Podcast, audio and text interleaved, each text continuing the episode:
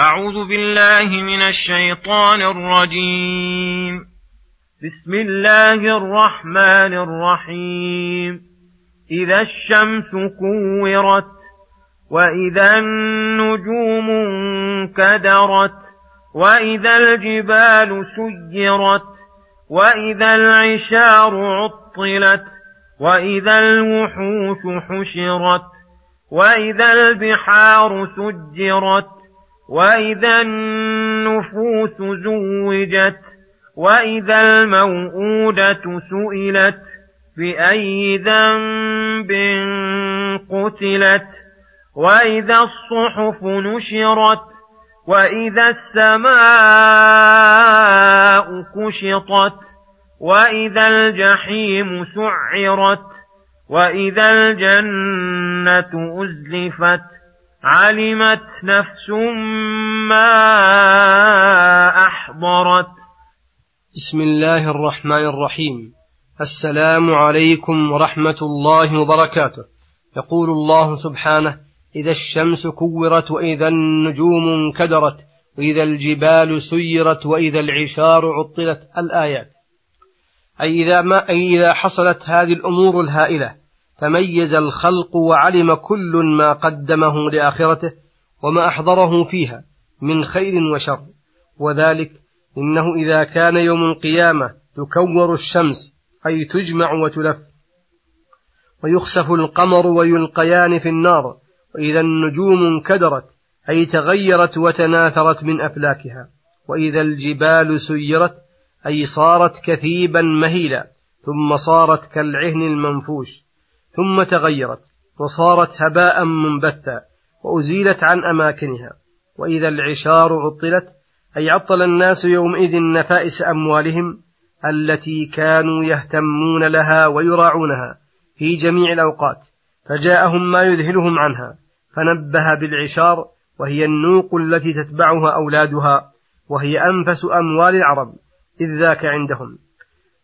على ما هو في معناها من كل نفيس وإذا الوحوش حشرت أي جمعت ليوم القيامة ليقتص الله من بعضها لبعض ويرى العباد كمال عدله حتى إنه يقتص للشاة الجماء من الشاة القرناء ثم يقال لها كوني ترابا وإذا البحار سجرت. أي أوقدت فصارت على عظمها نارا تتوقد وإذا النفوس زوجت أي قرن كل صاحب عمل مع نظيره فجمع الأبرار مع الأبرار. والفجار مع الفجار وزوج المؤمنون بالحور العين والكافرون بالشياطين. وهذا كقوله تعالى وسيق الذين كفروا إلى جهنم زمرا وسيق الذين اتقوا إلى رب وسيق الذين اتقوا ربهم إلى الجنة زمرا. احشروا الذين ظلموا وأزواجهم. وإذا المؤودة سئلت وهي ما كانت الجاهلية الجهلاء تفعله من دفن البنات؟ وهن أحياء من غير سبب إلا خشية الفقر فتسأل بأي ذنب قتلت.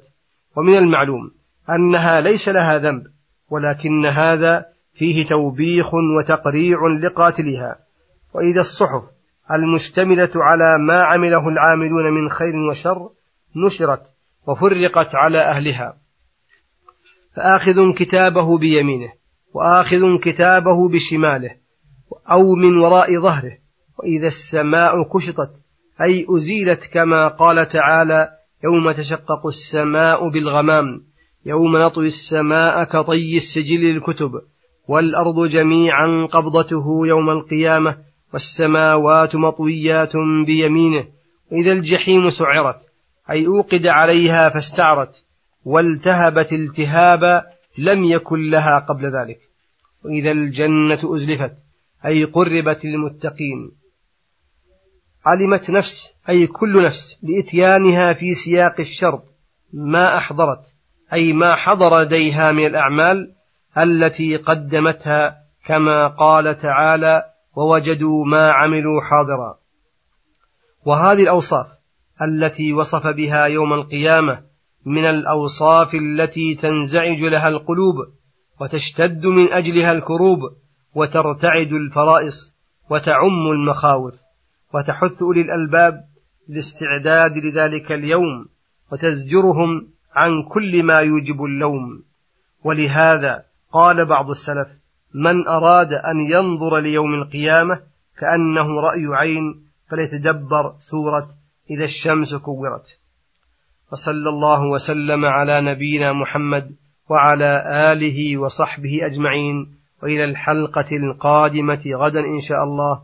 والسلام عليكم ورحمة الله وبركاته.